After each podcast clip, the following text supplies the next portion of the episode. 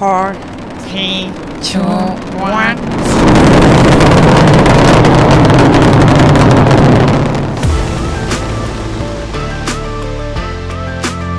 Uin Ultramoreak, Elujarren zientzia eta teknologia saioa EITB podcastentzat.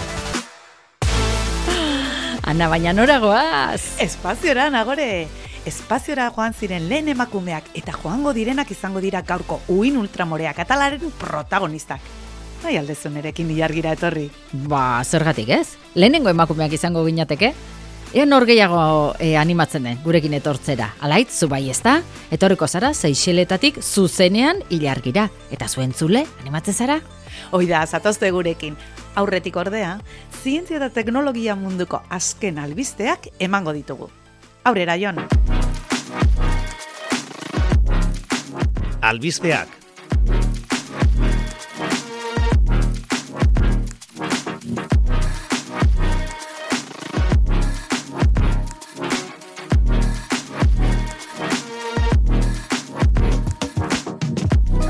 Espazioaz ari garela, RNA molekularen osagaietako bat, uraziloa, aurkitu dute ruigu asteroidean. Albisteak salaparta pixka sortu du, bere ala hasi baitira esaten, horrek frogatzen duela, lurreko bizitzaren jatorria estralurtarra dela, edo Ba. bintzat, hipotesi horren alde egiten duela, badakizu, ba, nundik sortu da bizitza.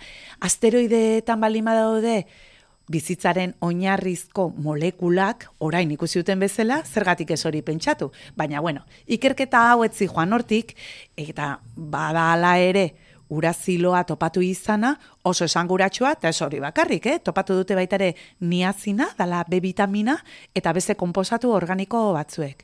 Horrek erakusten du, asteroide bat edazkan osagaietatik abiatuta eta espazioan dauden kondizioekin horrelako molekulak soer daitezkela. Harrigarria da. Bai, baina are harrigarriagoa da hori deskurritzeko egin behar izan duten bidea. Izan ere, esan dugu topatu dutela, ruigu asteroidearen lagin batean. Alegia, norbaitek jun behar izan du asteroide horretara lagin bat hartu eta karri robot bat izan da. Bai, ez da pertsona bat izan, eh? Baina, e, ba, pentsa, e, trajektoria kalkulatu, egin maniobra hoie guztiak, Asmatu, ekarri. asmatuara joaten, eta bueltan etorri. Bai, ordan teknologikoki ere ikaragarria da, ordan albiste hau bi alderditatik ere ba, kontuan hartzeko modukoa da. Bai, bai, teknologiaren almena ez da makala. Ez da, ez. Baina badu baita ere, bere ifrentzua, izan ere, espazioko zaborra eta lurretik gertu orbitatzen duten sateliteak gero eta ugariagoak dira, Hmm. ez da? Askotan esaten da hor, inguratuta gaude zaborrez eta holako e, satelitez inguratuta gaude.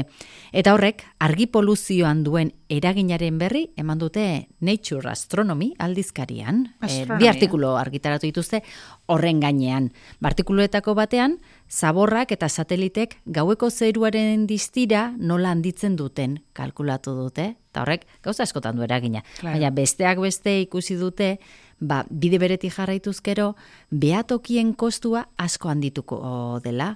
Ba, zergatik, ba, noski, behaketak egiteko beharko dutelako asko ere esposizio denbora handiagoak egin, eta horrek kostu bat dauzka, dauka. Claro, eskutuan gelditzen direlako, benetako astroak eta... Hori da, eh? denbora gehiago behar Ja. da, horretara iristea.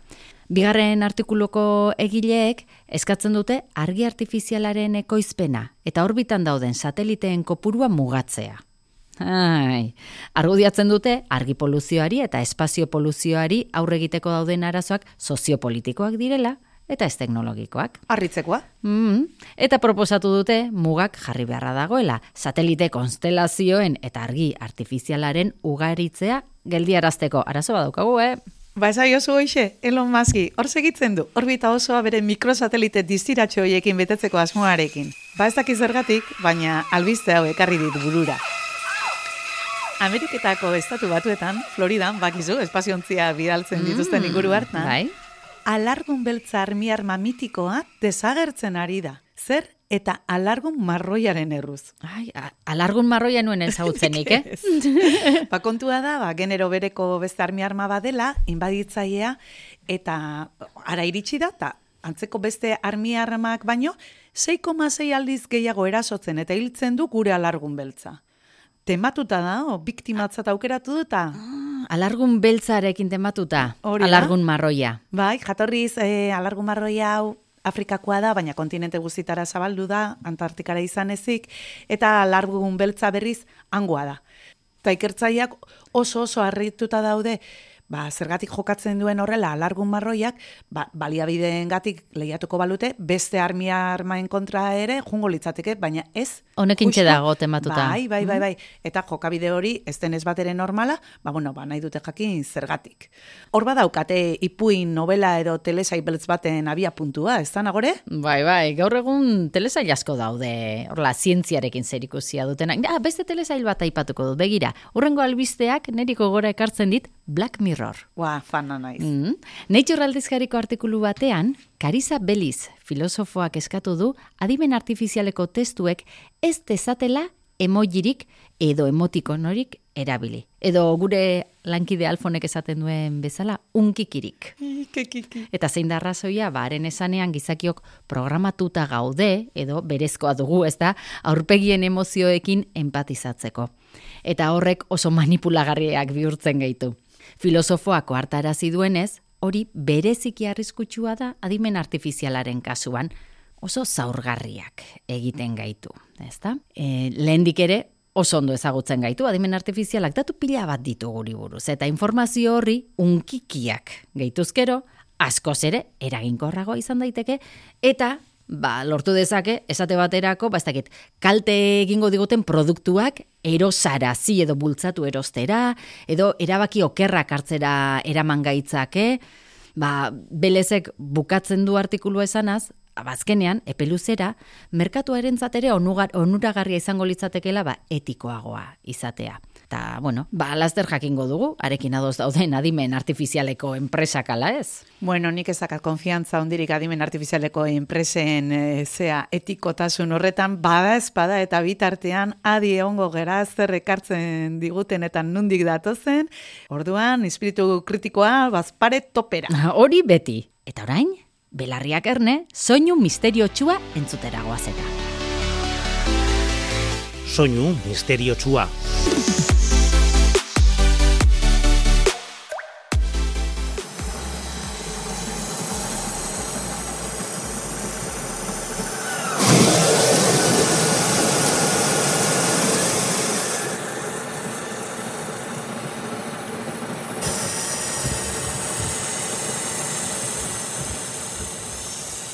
Zaizu gustatu, eh? Azarpegia jarri duzu.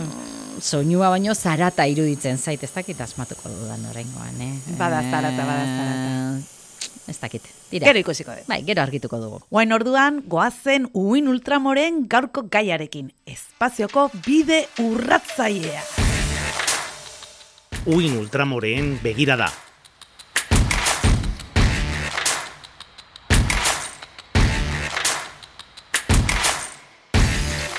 Bide urratzaileak, aintzindariak, lortzen lehenak.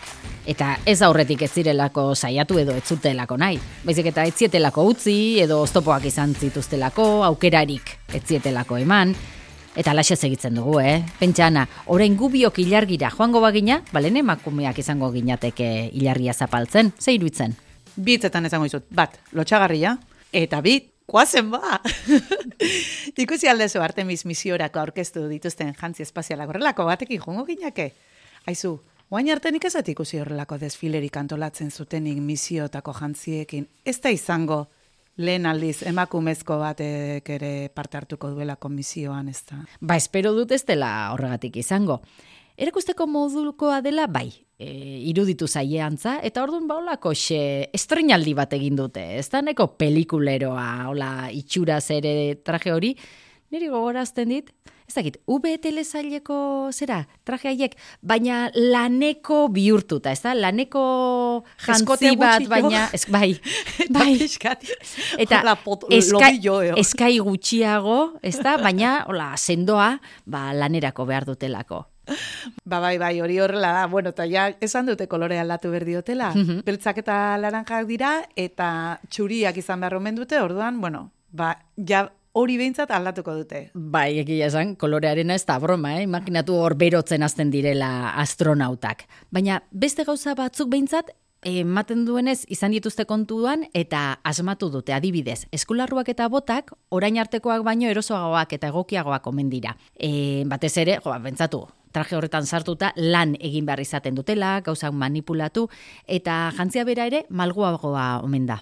Eta pardela, egin aldute aldaketari pixoialean. Ze hori ez, abroma, ez inparre, eh? Bueno, Ba, hori. bueno, baina erakustaldi horretan ez dute pardela erakutsi, ez da oso glamurra handikoa, eta orduan, ba, bueno, ez dakigu, eramango duela, seguru, eh, or, eh, ba, Beste nonbait- remediok ez daukate, bai, ba, ez da? be- Baieren behar fisiologikoak nonbaiten egin beharko dituzte eta, ba, seguru baduela. A ber, nolakoa da, enteratuko gea.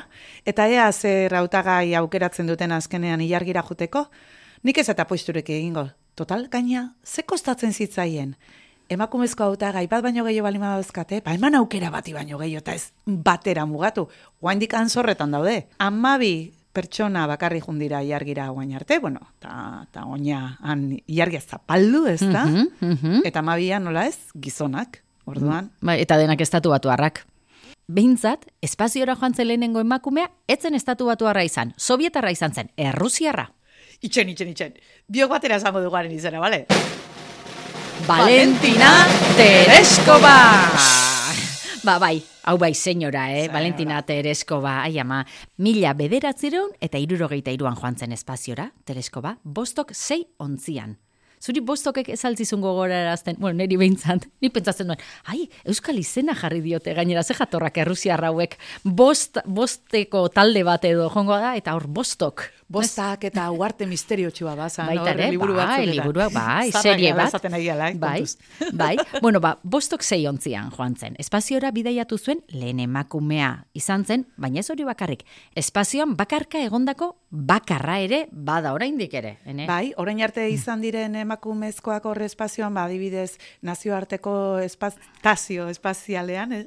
Ba, beti izan dira gizonezkoekin lagunduta edo inoiz ez emakumeak bakarrik. Bakarrik. Bai, Kasu eta honetan, bai. teleskoa bakarrik bakarrik Gazte, gazte gainera, eh? Bai. En, horretaz gain, e, gauza gehiago ere badaude, ze ordura arte joan ziren guztiak militarrak izan ziren, eta lehen zibila izan zen.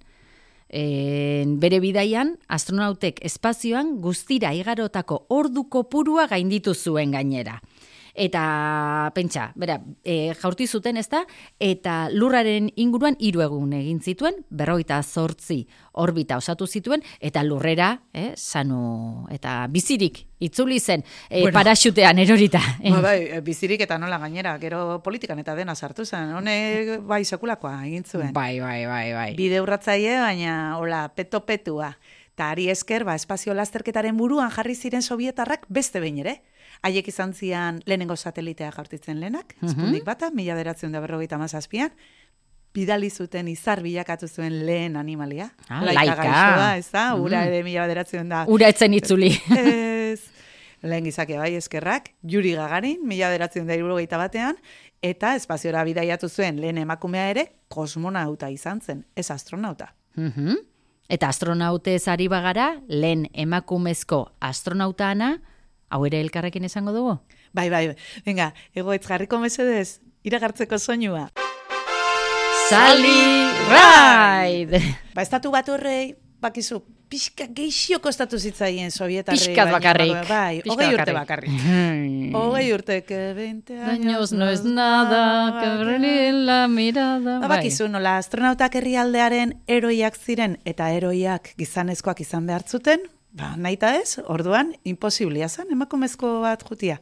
Alako batian, onartu zuten bai emakume bat bidaltzea, eta, hola juntzen ba, Sally Ride fizikaria Challenger ontzian.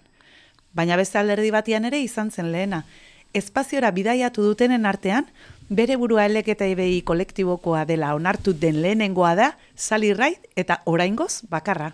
Bide urratzailea, Sally Ride. Hoxe? Ba bai, baina ez pentsa, eh? e, kazetarien galdera matxistak ere jasan behar izan zituen, Seguru. harritzekoa, ezta? Adibide pare bat. Bota. Galdetu omen zioten, ba, adibidez, ba, bere ugalketa organoekin kezkaute zuen, ezta? Ba, bidaiak, ba, Ah, hori, eh, ugal, ugalketan, diete, eh? Gizonezkoi ere "Zu bai, bai. kezka sakila zutituko zaizun espazioan. Hori, beti galdetzen die, seguru, bueno, bueno. Ba, beste hobea da. Esan. Galdetu omen zioten, ea negar egiten zuen, ba, lanean gauza gaizki ateratzen zitzaizkionean. Klaro hori egiten dugu, gere bai ez bai, ba, negar. bai, bai. Zalirraideri, bai. Emakumeok ez dakigu besterik egiten. Gauza gaizki ateratzen direnean, negar, eh? Eta hori astronauta bati galdetzen diozu, mesedez, eh? Bani baiz pare ja hasiko naiz, Artemis misioko astronauta emakumezko entza fundamentuzko galderak prestatzen zen, ez asko filatzen, gaur egungo kasetariei buruz. eh. Eh, imaginatzen duzu? Elkarrizketatuko genituzke hemen, uin ultramoretan. Buah, zeuna izango zen. Bai, bai, Bueno, bai. hasi prestatzen galderak. Oraingoz, egia, gezurra, ez dago nahiko evidentzia, atalera pasako gara. Egia, gezurra, ala ez dago nahikoa evidentzia. Nagore, hasizu. Ni hasiko naiz. Bai. E, nire lehenengo baiestapena. Denontzat da hobea glutenik ez jatea, baita zeliakoak ezpagara ere. Ez, hori ez da egia. Zeliakoak bagara, ba, beste remediorik ez daukagu, eh, orduan bai, kalte egiten digula glutenak, baina gainerakoak ez bagara zeliakoak, EHUk egin du ikerketa bat eta erakutsi du ez bakarrik ez digula bestelako onurarik ekartzen baizik eta glutena daukaten elikagaiak azkenian ba elikadura osatuago bat ematen digutela eta hobe dela Bai. ez badaukazu arazorik Hasteko- glutena ere bai, jartz- bai. jatia, ez da? Bai.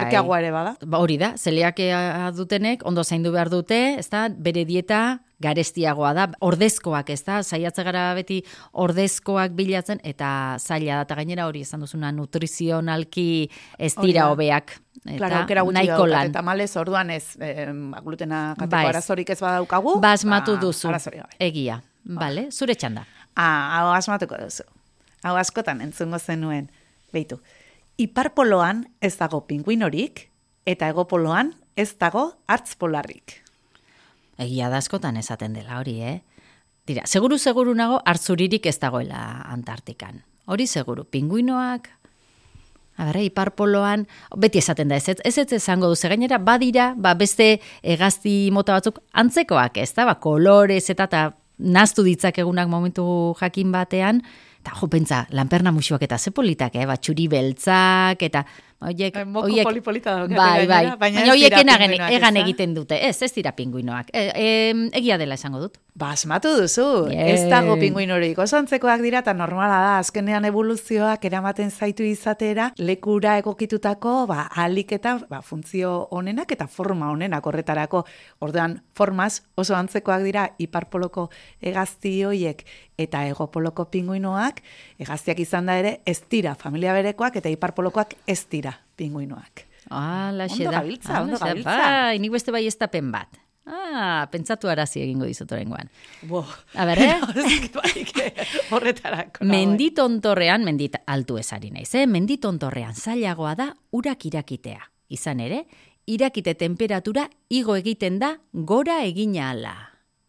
Garaierarekin, irakite temperatura altuagoa da. Tik tak, Zatika. tik tak, tik tak. E, mendian gora egin ala, zailagoa da, zua piztea. E, bai, bai, aizia dago, gaina, bueno, hotza Bai. ingo du, ez Bai, daki kondizioak bizkarrean eraman behar dira ba, da, gauzak. Auskalo. Mm. Baina, gora egiten dugunean, nola zan hori presioaren eta Bai, presioarekin dauka zer ikusia, ez? bai. Presioak egiten du bera, claro, daukagulako geruza, atmosferaren geruza txikiagoa da, Hori ez? da, Gure gainean daukaguna, gure gainean. Presio txikiagoa egiten du, presio txikiagoa egiten anima du, irakite temperatura, jetxi, jetxi egiten da. Ez, ez, ez, illa illa sartu diazu zirila. Si, illa Ez, sartu dizu zirila, baina ez, egia. E- o- egia ez, gezurra da. Egia nik esandakoa. Asmatu duzu.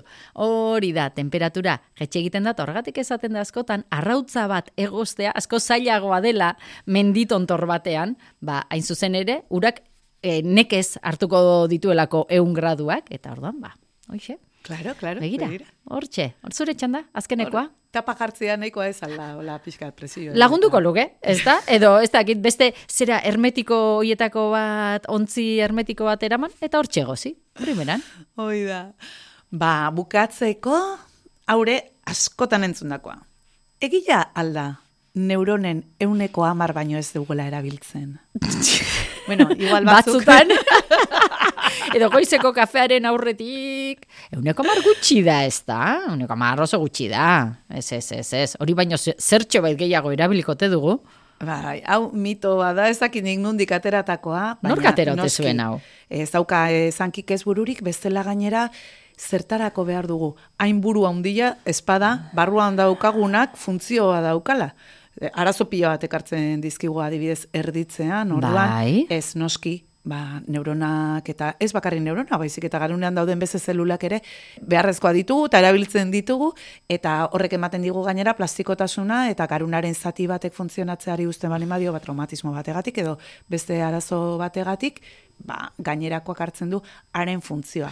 Orduan ez, Ba. hau gezurra da eta mito txatxu bat Ba. besterik ez da. Gainera zerbaitegatik kontsumituko du hainbeste, ez da? Gure energiaren zati handi bat, ordoa. Hori da, alperri balitz, ez da? ez, ez, luke sentidurik izango, evoluzioa arduratuko zen hori konpontziaz. Vale. Ana, eh, soinua argitu behar dugu. Ai, jarriko du berriro, bakit ez dela oso atsegina, baina berriro jarriko dugu, ez da? Mm, bai, jarri.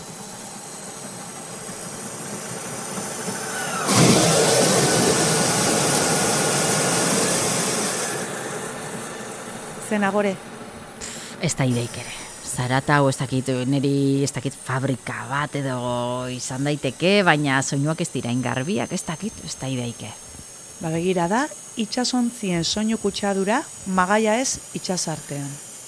Ai, ba, ai, ba, pentsa, Bai. orain ulertzen dut askotan aipatzen da, balek eta ekoloz, ekolokazioa eta erabiltzen dut, eta bestela ere, Bestela ba, ere. bestela ere, ba, zetazioita asko eragiten diela, Olin, e- enuen uste hainbesterainokoa zenik zara, eta Gibral, Gibraltarreko itxasartean ere esaten dute Claro. arazo handia dela, ba hori, trafiko handia dagoen, itxasontzien trafiko handia dagoen lekuetan, juistu itxasarte horiek erabiltzen dituzte baita ere, zetazoek beraien joan etorrietarako, eta hortxe pilatzen da zaratan diena. Ba, begira, Ba, horrela, horrela entzuten da. Ikaragarria da. Bai, bai. Bueno, ba, kontuan hartzekoa, ez da? Mhm. Ai, pixkat, zer, triste hola, de bajón Zer. bukatu dugu, zer. Bai, bai, igual, bai, E, baina ora izan ez. da. Ondo, oso Gure ondo teresko pasatu. bat arraide eta iargirakun berdeula Eh, eta. espazioko gaia zema gustatzen zaizkigun, eh? bai, bai, egia ez da Bai. lehenengo aldia. Gainera, Hurrengoan beste baten dute jokua. Bai. Bai, horrengoan beste zerbait eta bitartean badakizue EITB podcast webunean dauzkazuela orain arteko atal guztiak, eskerrik asko ba, gure jarraitzaileak izateagatik, ez? Hautxe, bai, dagoeneko bai, ez daukago esan beharrik, ah, zabaldu lagunen artean, badakigu egiten duzuela, zab Eskerrik asko, zabaltzen eskerrik duzue, asko. eskerrik asko, eskerrik asko bihotzez, Eta bueno, bakarriko goraraztea hori zientzia.eusen badaukazuela eta noski audio plataforma guztietan. hori da, hemen izango garela laizer berriro. urrengora arte, Aio, aio, ondo bizi.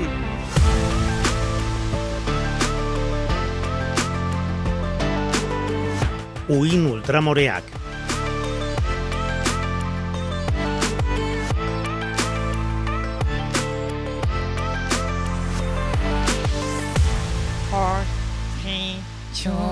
One.